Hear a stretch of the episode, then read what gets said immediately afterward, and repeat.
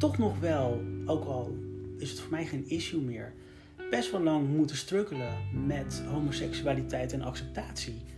Eh, ik denk dat ik daar achteraf gezien best nog wel wat last van heb gehad. Van eh, mensen die daar wel wat meer moeite mee, eh, mee, mee hebben. Ehm, eh, Komt dat ook door je naaste omgeving? Of- ja, ja. Ja, absoluut. Ja, absoluut. En ook van mensen die je eigenlijk zouden moeten beschermen. In plaats van daar toch wel duidelijk, duidelijk hun mening in eh, laten. En niet eens uitroepen, uitspreken. Maar op een andere nare Werd manier het laten merken. genegeerd of werd er om gelachen? Of werd er om, was het iets anders? Van, Nou, door nare, door nare eh, gewoon vervelende grappen. Eh, ik heb een aantal familieverjaardagen meegemaakt. eh, waar eh, het zit je aan tafel en er worden, worden van die handbewegingen gemaakt. Weet je, van die vrouwelijke handbewegingen. En dan wordt er gefluisterd. Eh, ik heb een keer meegemaakt, dan eh, eh, is er een rondje voor ko- koffie of thee.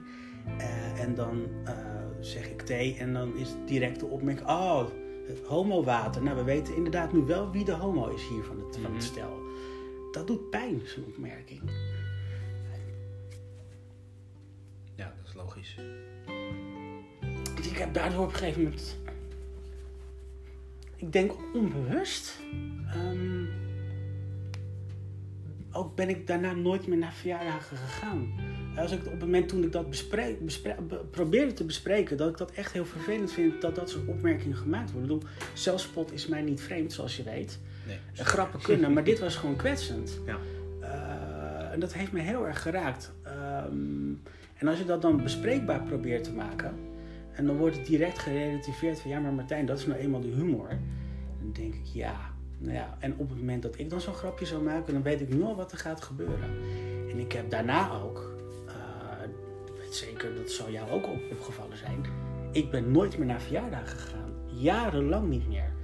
Eh, zowel niet voor familie als voor vrienden. Omdat je daar heel, dus ik werd daar heel onzeker van. Eh, Bang ook dat er opmerkingen zouden worden gemaakt? Of gewoon vanuit het verleden? Vanuit het verleden Slechte kom, in, in combinatie. Kijk, ik had natuurlijk ook op de middelbare school. Ik heb op een bepaald punt heb ik mijn achternaam veranderd.